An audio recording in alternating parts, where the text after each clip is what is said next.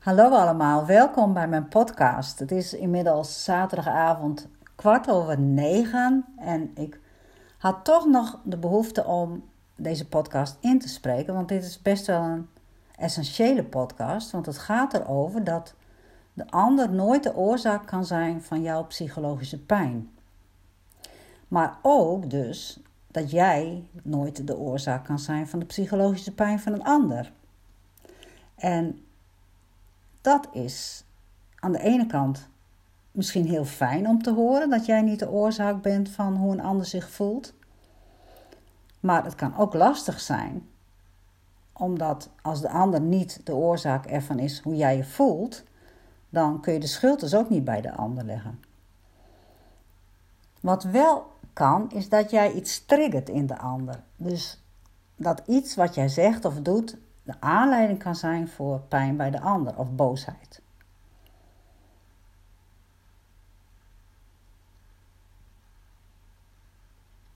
Ik hoorde van Marcel Rosenberg ooit een verhaal, of ik las dat, dat hij een vriendin had in Burundi. En zoals je weet is daar die burgeroorlog geweest tussen Hutus en Tutsis. En deze vrouw kwam bij Marcia Rosenberg op een workshop. En tijdens die workshop kwam te sprake dat zij had meegemaakt dat de Hutus haar hele gezin hadden uitgemoord. Zij was daarbij, maar zij had zich kunnen verstoppen, waardoor ze haar nooit hebben gevonden. En zij was er dus niet alleen de oor, de, de, ze was er dus niet alleen bij. Hè, ze heeft alle geluiden gehoord die gepaard gingen met het, het, het vermoorden van haar man en kinderen. Maar ze heeft ook nog in die week dat zij daar verstopt zat, gehoord hoeveel plezier die mannen daarover maakten. En ze heeft zich in leven gehouden door s'nachts uit haar schuilplaats te komen en zo water te drinken. Nou, als je zo'n verhaal hoort, dan zou je je dus voor kunnen stellen dat deze vrouw enorme haatgevoelens zou kunnen hebben en woedend zou kunnen zijn geweest op deze mensen. Maar dat was ze niet. Zij heeft niet haar boosheid geuit, maar zij heeft haar pijn doorvoeld. En intens gerouwd. En zij vond dus een manier om hiermee om te kunnen gaan door deze pijn te doorvoelen. En toen zei Marshall Rosenberg tegen haar: Maar wat doe jij hier dan? En toen zei ze: Ja, ik wil leren omgaan met mijn stamgenoten, want die willen allemaal wraakacties en die kunnen zich niet voorstellen dat ik dat niet wil. Hoe ga ik daarmee om? Nou, dit is voor mij zo'n essentieel voorbeeld over dat dus jouw boosheid of jouw verdriet niet kan worden veroorzaakt door wat anderen doen. Dat leer ik van deze vrouw. Nou, mevrouw, zei een jongen op het HBO tegen mij: dat hoeft u niet tegen mijn vriendin te zeggen, want uh, zij geeft mij altijd de schuld van hoe zij zich voelt. Uh, ik gaf een, een, workshop aan HBO-studenten eh, en daar kwam dit te sprake. Nou, toen zei ik tegen hem: van, Nou, zeg maar tegen mij dat ik een slechte docent ben. Ja, mevrouw, zei hij, maar daar trekt u zich toch niks van aan. Nee, zei ik. En daar zijn we op het punt waarop ik wil zijn, want ik trek het mij namelijk niet aan, want ik vind van mezelf niet dat ik een slechte docent ben. Integendeel, ik vind van mezelf dat ik een hele oké docent ben. Dus ik word niet geraakt door jouw kritiek op mij. Wat ik wel kan doen als jij tegen mij zegt dat ik een slechte docent ben, is gaan naar de plek van waaruit jij dit zegt en naar jouw gevoelens die je hierbij hebt en welke behoeften er niet zijn vervuld. Dus ik kan aan jou vragen van, goh, ben je teleurgesteld? Had je meer van deze lessen verwacht? Had je meer theoretische informatie willen hebben? Of had je meer praktische oefeningen willen doen? En dan hadden we samen kunnen ontdekken wat de reden ervan was dat jij mij een slechte docent vindt. En dan kunnen we gaan samenwerken op een manier waarop we allebei uh, ja, rijker worden. Dat zou ik ook zo graag willen op scholen. Dus ik zei tegen deze leerling: ik pak jouw cadeau niet uit. Want ik had het ook uit kunnen pakken op een manier van: oh god, ja, ik, ik, ik leg het ook niet goed uit en ik ben ook een slechte docent en ja, ik moet toch meer nog daarvoor leren of nou ja, misschien kan ik er ook beter helemaal mee stoppen. Nou, en zo kom je dan dus in een gedachtenladder waarin je jezelf dus enorm afkraakt. Zo had ik het ook uit kunnen pakken. En helemaal gefrustreerd uh, naar huis kunnen gaan.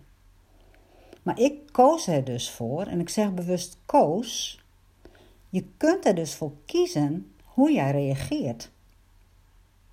Ik koos ervoor om empathisch te reageren. En daarmee zeg ik ook eigenlijk al dat als je dit soort boodschappen persoonlijk aantrekt, dan kun je sowieso geen empathie voor de ander hebben. Maar als je het je persoonlijk aantrekt, dan vind je dat dus eigenlijk diep van binnen ook zelf.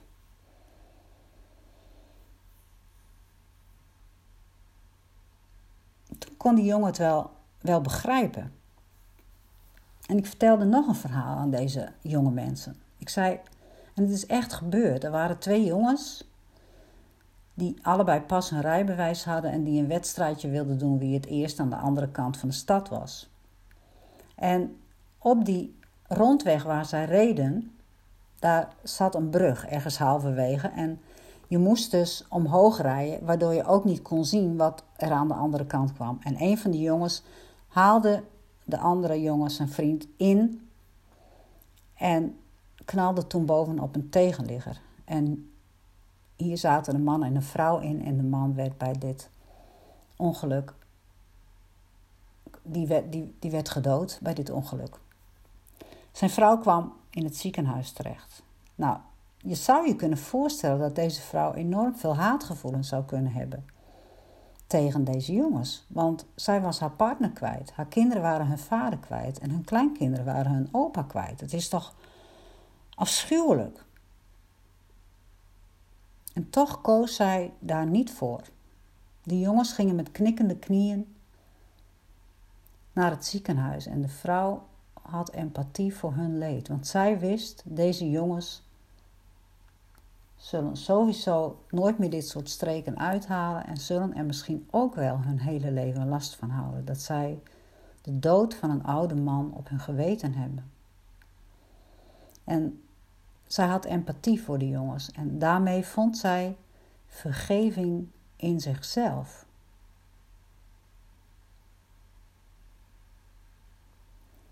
En ik zeg bewust vergeving in zichzelf, omdat je als je een ander denkt te moeten vergeven, je je boven die ander stelt. Dus dan is er sprake van ongelijkwaardigheid. En als je vergeving vindt in jezelf, net zoals die vrouw uit Burundi, dan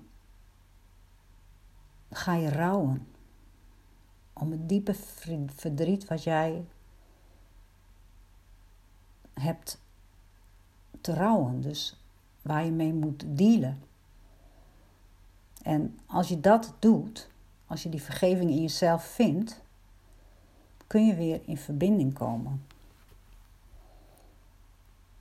Dat herinnert mij nog aan een verhaal over een man die in Zuid-Afrika op vakantie was geweest. En ik werkte destijds in de kerk in Hallem en een van de kerkenraadsleden was daar geweest. En hij vertelde een heel indruk, indrukwekkend verhaal. Je hebt daar van die wijken, zoals Soweto, waar je beter alleen niet kunt zijn. En hij was toch in zo'n wijk geweest met een groep. Ja, met een groep. Hè? Hij was met een groep op vakantie. En zij werden door die wijk gegidst door een vrouw en een jonge jongen. En tijdens die, dat gidsen vertelde die vrouw dat deze jonge jongen haar zoon had vermoord. En deze jongen had daar enorm veel spijt van en hij was ook onder invloed van verdovende middelen toen hij dat deed. En hij had daar enorm, enorm veel spijt van. En zij heeft ook gerouwd en ook zij vond vergeving in zichzelf. En met dat zij nu samenwerkt met deze jongen, geeft ze zichzelf en deze jongen een kans om weer verder te gaan met het leven. En misschien dat deze jongen zelfs als een zoon voor haar zal zijn.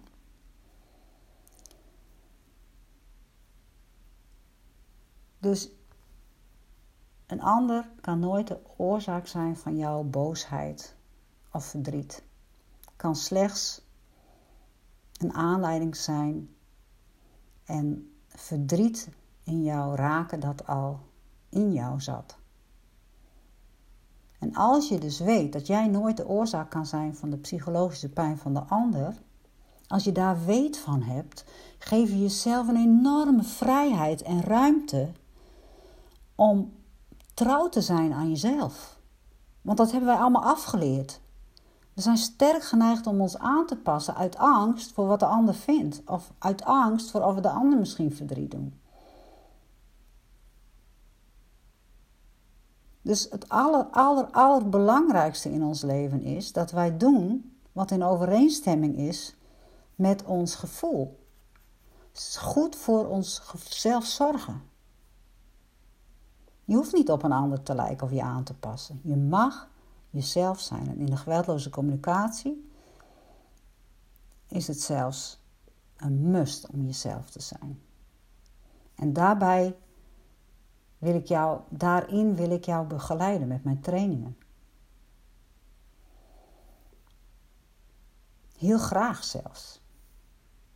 Want als iedereen gewoon doet wat hij het liefste doet, zich niet meer aanpast, nou, dan verandert de wereld in één klap. Dat zou toch fantastisch zijn? Twee jaar geleden zou ik samenwerken met iemand waar ik heel veel van hou.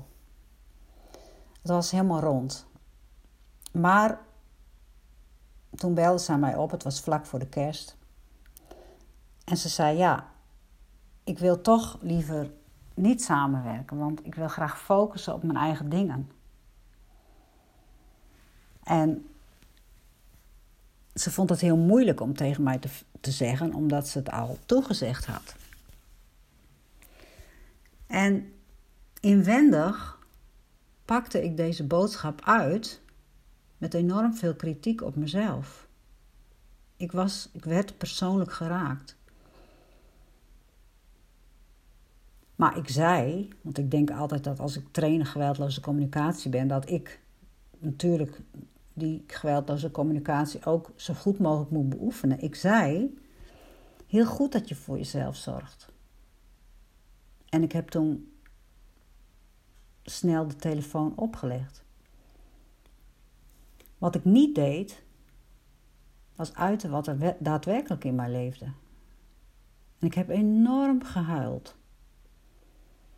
En verstandelijk wist ik natuurlijk dat zij gelijk had. Maar gevoelsmatig deed het enorm veel pijn, want het raakte aan iets ouds in mij.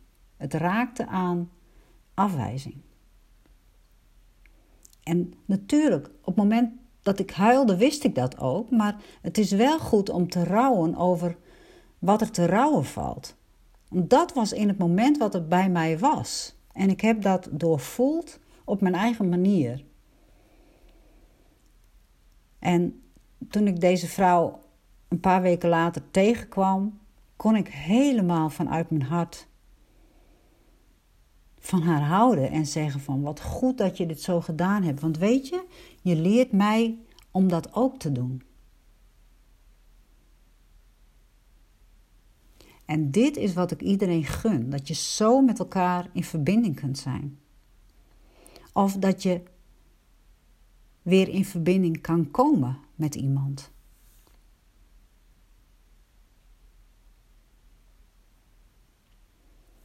Ik hoop dat ik zo een beetje goed heb uitgelegd dat je nooit de oorzaak kunt zijn van de psychologische pijn van de ander en de ander dus ook niet de oorzaak kan zijn van jouw pijn. Je kan kiezen hoe je reageert op een boodschap. Je kan het uitpakken met een oordeel op jezelf en jezelf gaan afkraken. Maar je kan het ook uitpakken als een mooi cadeau, want je kan namelijk de behoeften van die ander vervullen. Nou, hoe mooi is dat? En je kan empathisch reageren zoals ik deed bij die, bij die leerling. Ben je misschien teleurgesteld als je zegt dat ik geen goede docent ben? Had je liever meer praktische oefeningen gedaan? En ja, dit is waar ik mijn werk voor doe. En ik hoop echt dat jij er ook mee aan de slag gaat. Zodat we niet meer onze pijn op elkaar hoeven te projecteren. En zodat we echt de verantwoordelijkheid gaan nemen voor onze eigen pijn. Nou, dat was wel genoeg voor vandaag. En wie weet, tot morgen.